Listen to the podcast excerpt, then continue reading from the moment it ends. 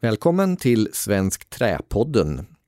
På Svensk Trä så jobbar vi med information, inspiration och instruktion för alla sorters trä och träprodukter. Jag heter Mattias Fridholm och jag leder verksamheten på Svenskt Trä. Dagens poddavsnitt det är ett samtal som Svenskt Trä spelade in som en ersättning för vårt årliga seminarium IBIT, Ingenjörsmässigt byggande i trä. Och om du föredrar att se detta samtal filmat, då finns det tillgängligt på Svenskt Träs hemsida www.svenskttra.se. Men om du tycker det är helt okej okay att bara lyssna så går det alldeles utmärkt här.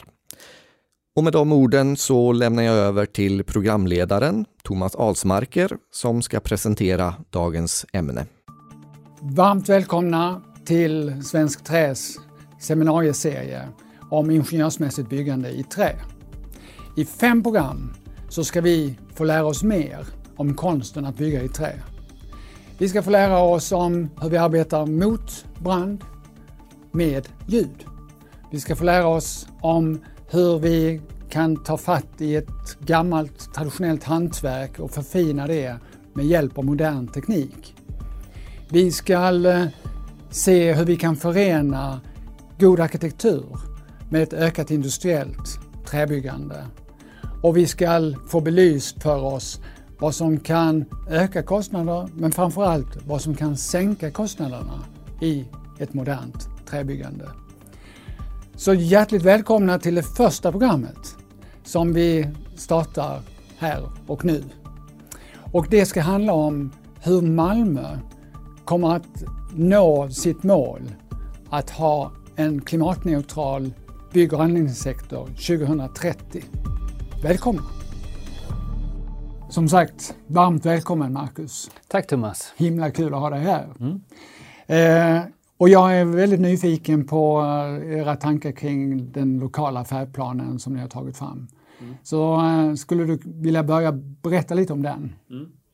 Eh, lokal färdplan Malmö, eller LFM30 som vi förkortade till, eh, var ett initiativ som eh, tillsammans med branschen växte fram.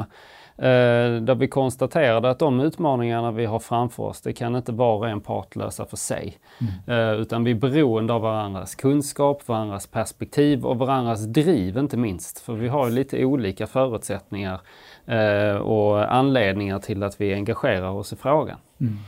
Uh, och LFM30 är lite kort en, uh, ett nätverk eller en plattform för ett kollektivt uh, lärande.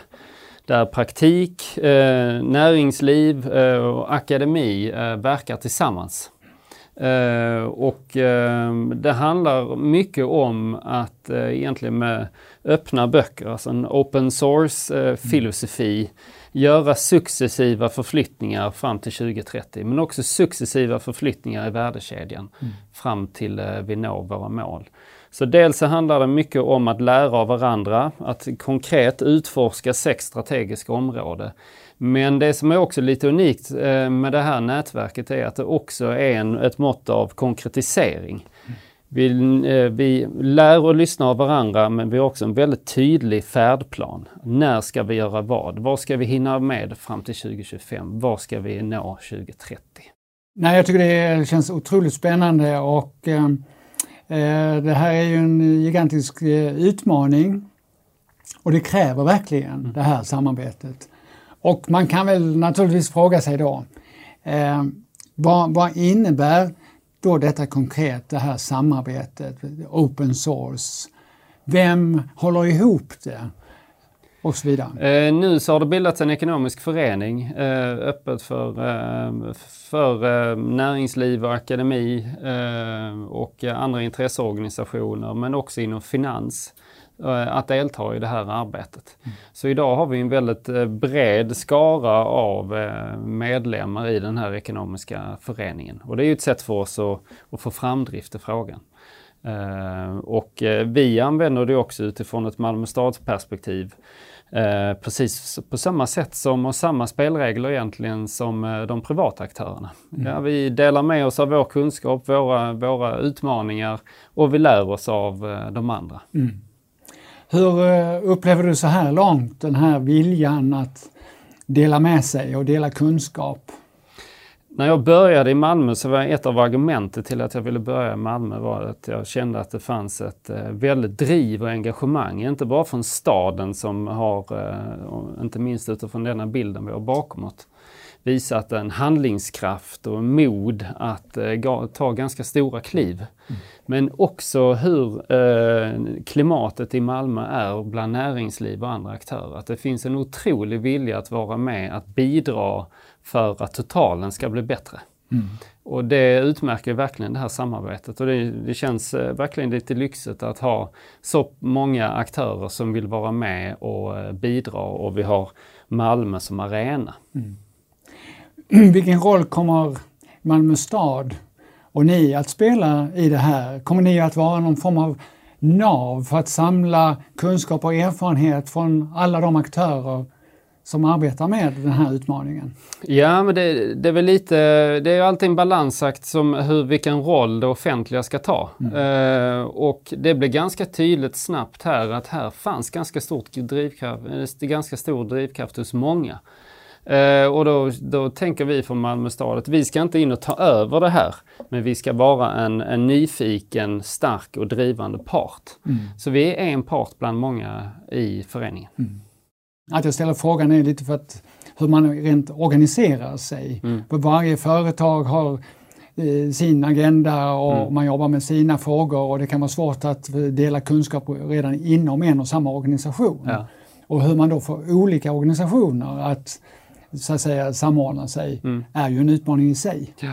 Och framgångsfaktorerna är att ha väldigt driv, drivande och kunniga medarbetare både från stadens sida och eh, de privata som inte bara kan eh, inspirera och samla många utan också få ner det i en konkret handlingsplan framåt. Och det är väl lite det som är framgångsfaktorn, att det är ganska tydliga områden som vi verkar inom och som vi fördjupar oss kring. Mm. Där då medlemmarna eh, har valt fördjupningsfokus. Allt ifrån liksom material till eh, den affärsmässiga biten till utformning och design. Så det är många olika plattformar. Eftersom klimatfrågan och klimatneutralitet kan vi inte bara hantera en liten del. Vi måste ha ett holistiskt perspektiv i både process och i, eh, i mindset. Mm. Och då kan man ju, om man spinner vidare på det, så kan man ju konstatera att eh, byggsektorn är ju ganska fragmenterad mm. och också lite stuprörsorienterad. Mm. Eh, och eh, där kan ju klart det här projektet i sig mm. bidra till att inte bara ni når målet ja. noll koldioxid klimatneutral mm. 2030 utan också faktiskt påverka hur byggsektorn fungerar. Mm. Ja, för att vara lite rättvis där tänker jag, det är ju även det offentliga ja. och akademi. Eh, utan vi som samhälle är ju ganska stuprörsorienterade. Mm. Men detta, denna utmaningen vi har framför oss kan vi omöjligt lösa var och en för sig. Mm. Eh, och det är väl det som kommer att ställa stora krav på marknaden när vi som offentlig aktör Uh, när vi, uh, om vi markanvisar eller hur vi, vi utar, utvecklar vår stad förutsätter att marknaden är organiserad på ett processvis mm. och inte ett linjärt vis. Då kommer det nog börja hända en hel del saker. Och detta är väl ett sätt för, för alla att få upp ögonen för den omställningen. Mm. Att den måste påbörjas nu. För att om ett antal år vara redo att kunna vara med i utvecklingsarbetet. Ja, och du berör ju en annan typisk eh, fråga, sak för byggindustrin, det är att man är projektfokuserad ja. och inte processfokuserad. Mm. Eh, mm. Och det här är ett ganska stort steg. Mm. Och, och, det var lite det som jag var inne på innan mm. också.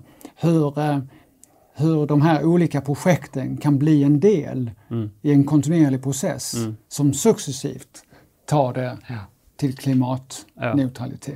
Ja. ja, och jag tänker LFM30 blir ju ett, eh, för vårt arbete eh, och även de privata aktörerna blir ju ett, ett paraply Mm. inte bara organisation utan ett mindset eller ett sätt att arbeta med neutralitet. Så efterhand som projekten börjar realiseras mm. eller att planerna tas fram så lär vi oss nytt och så för vi upp det i L530-nätverket. Mm. Och så drar vi ny slutsats av det. Mm. Och så skruvar vi och blir bättre längs vägen. Så nu börjar ju de första projekten att, eh, att komma igång. Eh, vårt kommunala eh, parkeringsbolag fick bygglov förra veckan för ett eh, större parkeringshus helt i trä. Mm. Och kunskaperna och det vi lär oss av det kommer då föras in i nätverket och så blir vi ännu bättre till nästa gång. Så nästa gång du ska bygga ett parkeringshus i trä så kan man utgå från en högre nivå än vad man gjorde vid det här Precis. projektet. Det är ju hela det som är ja. grejen. Ja. Det enda sättet att kunna nå det här målet mm. det är att vi arbetar på det. Och vi tänker ju också att låt oss börja i, i Malmö som eh, att vi har, vår, vi har vår geografi som en testbädd där vi mm. utforskar olika, olika sätt att eh, arbeta med klimatneutrala eh, projekt eller processer. Mm. Eh, sen så hoppas vi att vi ska kunna dela med oss av det här till alla andra kommuner och alla andra städer mm. eh, så att vi får driv på många håll. Och det, är ju, det pågår ett kontinuerligt arbete på många, många platser och många städer som du var inne på tidigare. Men eh, det är det här systematiska som jag tror är nyckeln till framgång. Och att man utgår ifrån den erfarenhet och kunskap som finns just nu mm. vid ett visst givet tillfälle. Mm. Så att, eh, vad, vad eh, ser du som de allra största utmaningarna då? i detta, om du ska bara peka på någon? Eh, dels så eh, tänker jag det du var inne på är det nog det rent organisatoriska, att det är mm. väldigt stuprörsorienterat. Eh, och det här bygger på en, ett annat mindset eh, i hela branschen. Mm. Ehm, men sen tänker jag också de affärsmässiga villkoren. Det måste ju, eh, det måste ju kunna hävda sig gentemot många av de andra projekten som inte är klimatneutrala. Och där behöver vi eh, hjälpas åt att hitta förutsättningar på dem utifrån den nationella arenan men också utifrån de lokala förutsättningarna. Mm. Så att de affärsmässiga villkoren landar. Jag tänkte på utmaningarna då, men också på de, vad ser du som de största förändringarna som dels byggsektorns aktörer kommer att märka i sin vardag och vad kommer Malmöborna att märka mm. i sin vardag mm. i, under den här resan? Nej, men jag tänker när vi börjar arbeta mer med klimatberäkningar och livscykelanalyser så kommer ju de eh, byggprojekten som vi arbetar med prioriteras annorlunda. De mm. kommer att se annorlunda ut och de kommer, kunna, de kommer att behöva tas fram på ett annat sätt. Eh, det gör ju att vi behöver kanske nya kompetenser längs vägen men också att driftskedet driftsskedet behöver vara med betydligt tidigare och vice versa. Att, att vi måste jobba mycket mer eh, holistiskt eh, i, i, längs hela projektet. Så att man inte, det går inte på något sätt att lämna över stafettpinnar utan man måste ha med, med driften tidigt eh, för att förstå vilka utmaningar som väcks längre fram. Mm. Och för, för eh, gemene, gemene man eh, på, så tänker jag att eh, dels att vi, eh, vi lever upp till de ambitionerna som politi politikerna har definierat kring klimatneutralitet. Det direkta tänker jag att man kommer ju um, märka utifrån eh, byggnader som är generösa i bottenvåningar och som samspelar med sin omgivning och, tar den platsen som man ska utifrån tidens avtryck. Så kommer man ju känna och uppleva staden att den, eh, den lever, eh, inte bara till, till ytan med sin tid, utan även på ett, ett helt mer holistiskt perspektiv. Att, att man känner någon form av nerv, att det inte bara är en kuliss. Nej. Utan det upplevs som lite mer på riktigt. Ja. Eh, vilket är svårt det är rätt svårt som, som på, när man rör sig på stan. Ja. Uh, men jag tänker, du, du nämnde ju det här tidigare i inledningen att kommer hela Malmö byggas i trä. Mm. Uh, jag tänker att vi, vi kommer ju, 2030 kommer ju en stor del av tillskotten vi arbetar med behöva vara klimatneutrala.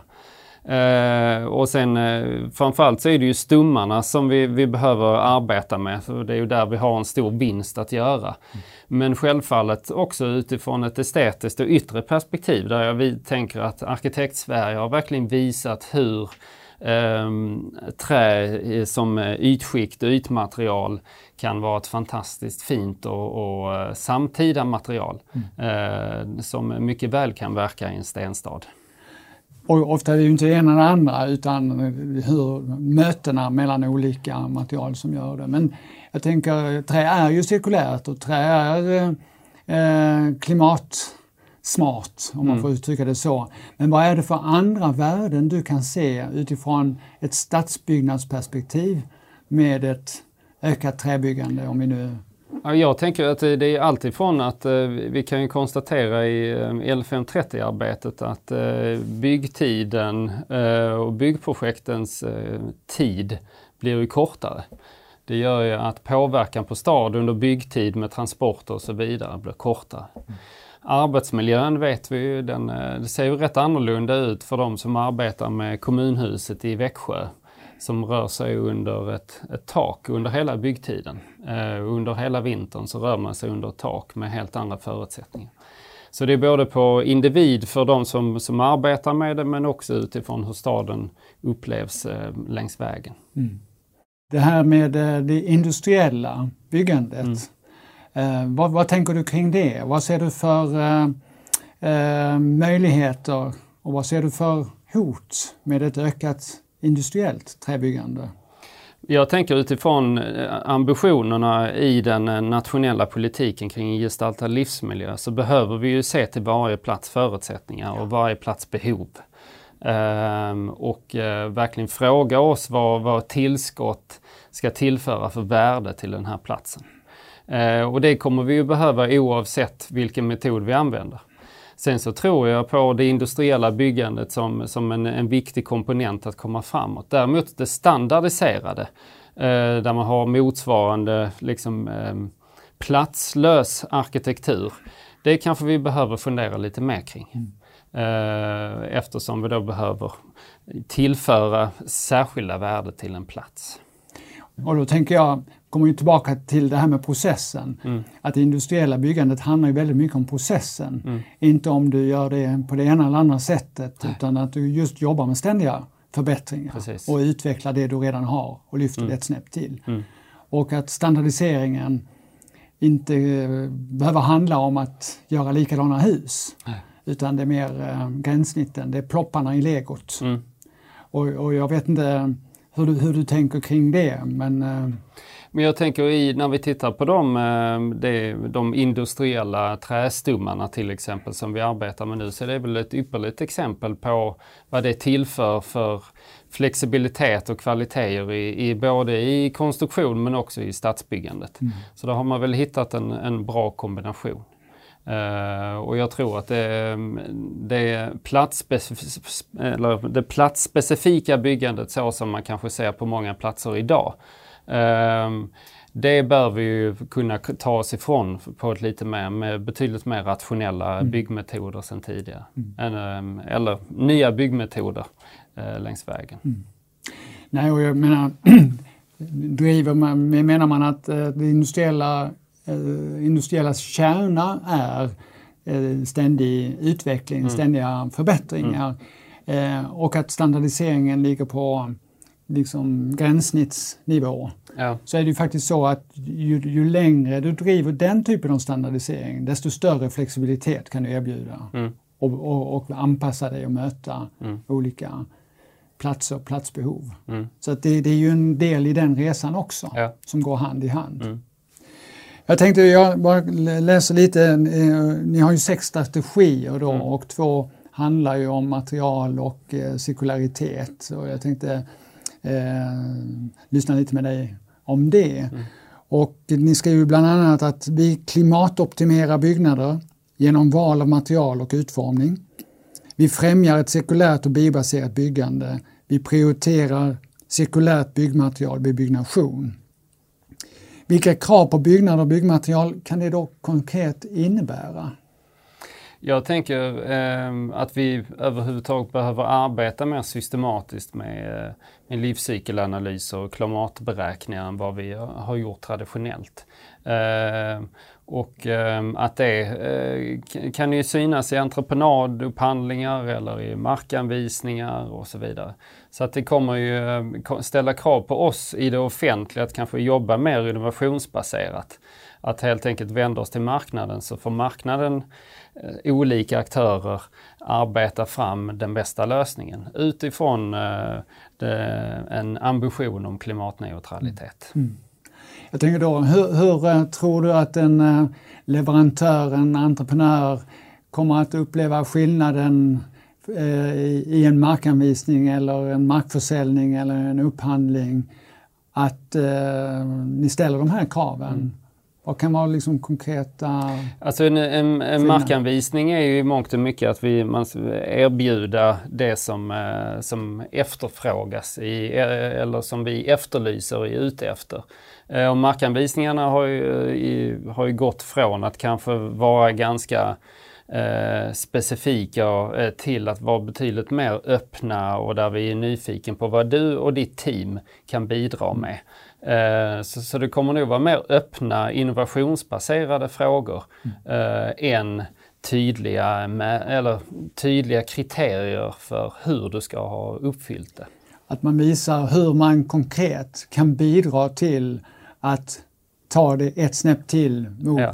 Klimatneutralt. Ja, och, och, med hjälp av klimatberäkningar och livscykelanalyser föra i bevis att det vi kan erbjuda er, det, det är det bästa resultatet mm. utifrån ett klimatperspektiv. Mm. Uh, men det vi också, som är en viktig del i, i arbetet med uh, inte just direkt kopplat till klimatneutralitet, men det är väl de sociala dimensionerna, inte, inte bara i Malmö utan på många andra håll, eh, som vi också behöver ha med oss i det här arbetet. Eh, och se vilka, vilka förtecken och vad marknaden kan vara med och bidra där. Mm. Nu är inte det här en fråga så det kan man klippa bort. ja. Nej men jag skulle haka i den lite, för att det, det, är så lätt att vi tittar på en fråga, mm. eh, ett stuprör. Mm och, och så, eh, men, men så kanske inga vill bo i området. Mm. Men vi har klarat klimatneutraliteten. Mm. Så det här att ta ansats i det liv som ska levas på platsen ja. och de människor som ska leva där mm. är väl en verklig grundförutsättning mm. för ett hållbart samhälle. Ja, och utöver det att det ska vara en, en god gestaltad livsmiljö mm. och att det ska vara, att man ska kunna leva ett, ett, ett eh, gott och hälsosamt liv på platsen så handlar det också om att vilka som har tillgång till de olika områdena. Uh, och det är väl lite det jag var inne på tidigare när det gäller det affärsmässiga. Att man behöver ju inte bara få ihop en affärsmässig kalkyl relaterat projekt som inte är klimatneutrala.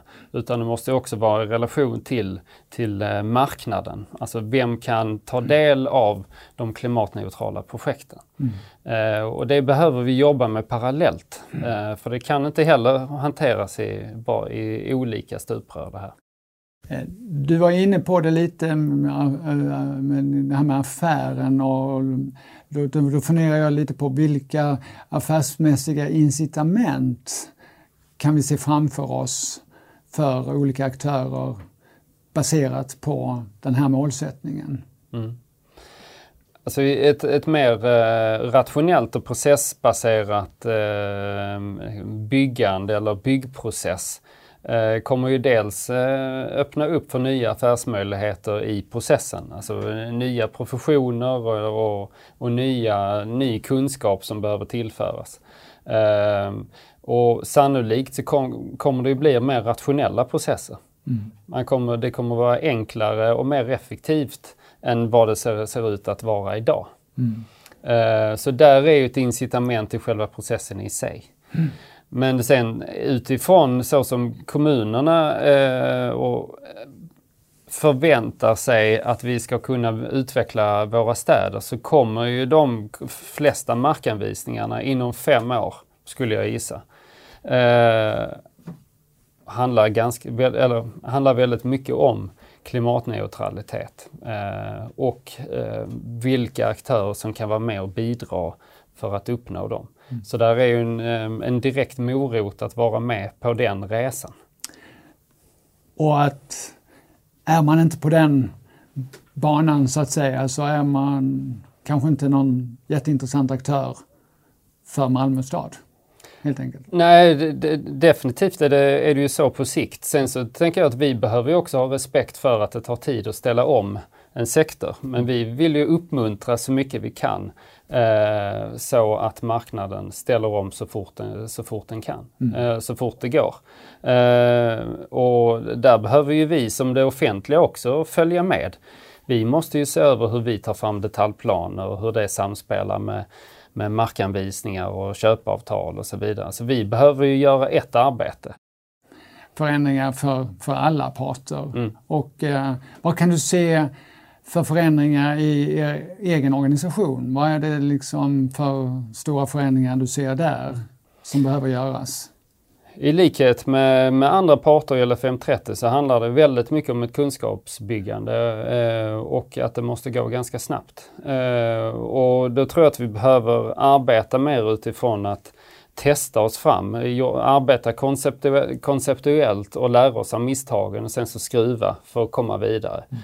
Eh, men vi behöver ju också se över våra interna processer som vi arbetar med intensivt just nu inom eh, de tekniska förvaltningarna för att vi ska kunna vara mer synkade och, och rustade um, i de processerna som de privata aktörerna deltar i. Mm. Eh, du var själv inne och det här med att Malmö är en stä, stenstad mm. och, och eh, är det då en trästad 2030. Men det, att bygga i trä är ju kanske inte det som man är mest van vid mm. i Malmö. Hur, eh, vad är din känsla där när det gäller byggsektorns aktörer och eh, hur eh, tänker ni på Malmö stad kring det? Jag tänker om, om man blickar tillbaka de senaste 15-20 åren så har ju fibercementskivor varit ganska, ganska vanligt förekommande. Och det är ju inte heller en del av stenstaden. Eh, så att vi, vi, vi har alltid arbetat med olika material mm. i, i städerna. Uh, och uh, utforskat uh, olika sätt att gestalta våra byggnader och offentliga platser. Ehm, och det vore ju konstigt om man blickar tillbaka till 2020-2030 när, när, när vi vet att klimatfrågan är så pass stor och, och ehm, ödes en stor ödesfråga, att det inte skulle synas och märkas i städerna. Mm. Jag läste att det, ni skriver någonstans här att likartade förutsättningar vid markförsäljning oavsett material. Mm. Och jag var inte riktigt klar över vad, vad ni menar där. Vad, vad innebär vad innebär det? Alltså det är ju hur man beräknar eh, BTA i, i fastigheterna eh, som, kan, som kan vara olika beroende vilka, vilken byggteknik man använder. Och det måste vi ha med oss så att det blir, så att det blir jäm, jämbördigt. Och då behöver vi titta på köpavtal och hur detaljplanerna är utformade. Mm. För idag så kan det slå ganska stort beroende på vilken eh, teknik du använder. Mm. Och det är även kanske våning eller ja, mm. byggnadshöjd egentligen, Precis. hushöjd. Mm. Som Ja, det är hela BTA-beräkningen som vi behöver eh, se över och hur och var vi reglerar den så att det blir neutralt inför eh, vilken eh, teknik du väljer. Mm. Hur eh, känner du att eh, eh träleverantörer kan bidra och hjälpa till för att ni ska nå det här målet som ni har satt? Mm. Ja, dels vara en aktiv part förstås eh, i, eh, i LFM30 och de arbetena vi gör. Arbeta med produktionsvolymer, eh, inte minst, så att eh, det finns eh, tillräckligt material på den efterfrågan som, eh, som kommer. Och sen produktutveckla efterhand så att vi kan hela tiden skruva och bli bättre i, i det vi gör. För det är ju också en process då att, att olika aktörer är med eh, hyfsat tidigt mm. och eh, kontinuerligt mm. i en pågående mm. process. Mm. Och eh, den kunskapsmässigt, hur ser du på det? Olika aktörer, vilken kunskap och erfarenhet har man av ett mer avancerat träbyggande? Ja, det skiljer sig väldigt mycket. Mm. Eh, men jag tänker även om kunskapen eh, just nu kanske eh, är bristfällig i vissa områden så, så länge det finns vilja och nyfikenhet att eh, ta sig an ny teknik, nya material så tänker jag att det är en grundförutsättning. Mm. och det är väl det som också är idén med LFM30 att då kan man ganska snabbt komma ikapp kunskapsmässigt. Och det här open source som du eh, sa innan, Mm. Det är ju då att du behöver inte uppfinna hjulet själv Nej. utan du kan ta vid där någon annan eh, slutade så att säga och bygga vidare på det. Mm. Och var beredd på att dela med dig. Ja. Eh, och eh, öppna dina egna böcker också. Precis. Mm. Och det är väl i sig en ganska stor utmaning det här. Mm. Så att, ehm, men som, det, det här är ju en livsavgörande målsättning Mm. att vi kan eh, radikalt reducera växthusgaserna i våra samhällen. Mm. Och, men den här satsningen känner jag kommer också att innebära att vi kommer att påverka vårt sätt att arbeta. Mm. Och kanske också hur vi arbetar med olika verktyg. Du har nämnt open source som sagt. Mm. Och hur vi kan använda moderna eh, verktyg för att också på det sättet Mm. Dela erfarenhet och kunskap. Jag tänker om man drar en parallell till eh, när vi har alla organisationer och, och arbetar med digitaliseringsarbetet. Eh, och om man tittar på hur vi arbetat inom planering så i princip så förde vi över en eh, analog sätt att, att rita eh, till en digital värld. Eh, men vi gör ungefär på samma sätt som vi gjorde analogt. Så vi har inte dragit de, de, den vinsten av digitaliseringens möjligheter eh, fullt ut. Och det är väl en motsvarande liknelse som vi behöver göra här. Alltså vi behöver lyfta, eh, lyfta in ett mindset i ett nytt sätt att arbeta. Inte lyfta så som vi har gjort på 70, 80, 90-talet och jobba på ett annat eh, med, med andra material och med klimatneutralitet utan jobba på ett annat sätt. Eh, och där tror jag vi kan lära oss mycket av andra branscher. Hur, eh, hur man löser problem, hur man designar processer så att man gemensamt bidrar för att skapa ett mer, mervärde på helheten. Håller med dig helt och hållet och det räcker inte med att digitalisera ritplankan. Vi måste ändra arbetssätt. Och igen så ser jag ju då att ett sånt här, en, en, en sån här målsättning innebär det. Och då kommer också de här moderna verktygen till sin rätt. De är utvecklade för att stö, stödja sådana processer. Och eh, bara hålla med om att jag tycker också att vi har väldigt mycket att lära av annan industri och hur de arbetar. Och sådant kan ju också komma in i, i den här eh, färdplanen. Att, och det jag tänker på det du nämnde kring, eh, kring ödesfråga så är den eh, det är väl det som vi behöver lyfta, den här eh, eh klimatneutralitetsarbetet. Eh, eh, att det är en nyckel för i princip samhällets överlevnad på sikt. Att det är inte bara en dussinfråga där vi behöver samverka. Utan vi måste göra förflyttningar. Vi måste ta samverkan från samtal i konferensrum ner till eh, konkret handling. Eh, och det upplever jag verkligen att den medvetenhet och det drivet finns. Ja, det är min känsla också som utomstående betraktare, som det heter. Eh, och eh, vi kan ju konstatera att eh, det är livsavgörande men att det inte heller räcker med att vara klimatneutral. Utan vi måste vara klimatpositiva. Och det har ni också satt er för. Att, eh, kommer jag inte ihåg om det var 2045 då som ni skulle vara klimatpositiva eller det var tidigare. Men jag tänker att vi kommer nog revidera det efterhand. Eh, att hela tiden försöka skärpa ambitionen efterhand som vi lär oss mer. Eh, ambitionen man satte 20 kommer att se helt annorlunda ut om 10 år. Också en del i en sån här kontinuerlig utveckling, ständiga förbättringar.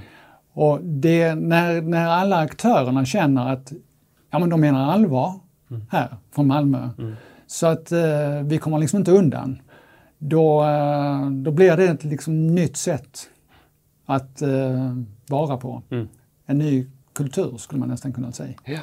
Och en ny kultur kan ju vara att eh, stenstaden Malmö 2030 är en trästad. Eller vad tror du om det? Eh, jag tror definitivt att eh, de flesta tillskotten vi kommer att göra i staden kommer att vara eh, kommer att ske på, på, med annan teknik och andra material framöver.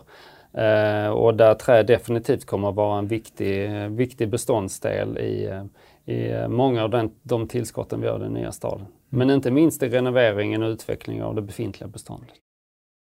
Nej men eh, otroligt spännande och eh, som sagt eh, en livsavgörande fråga, verkligen.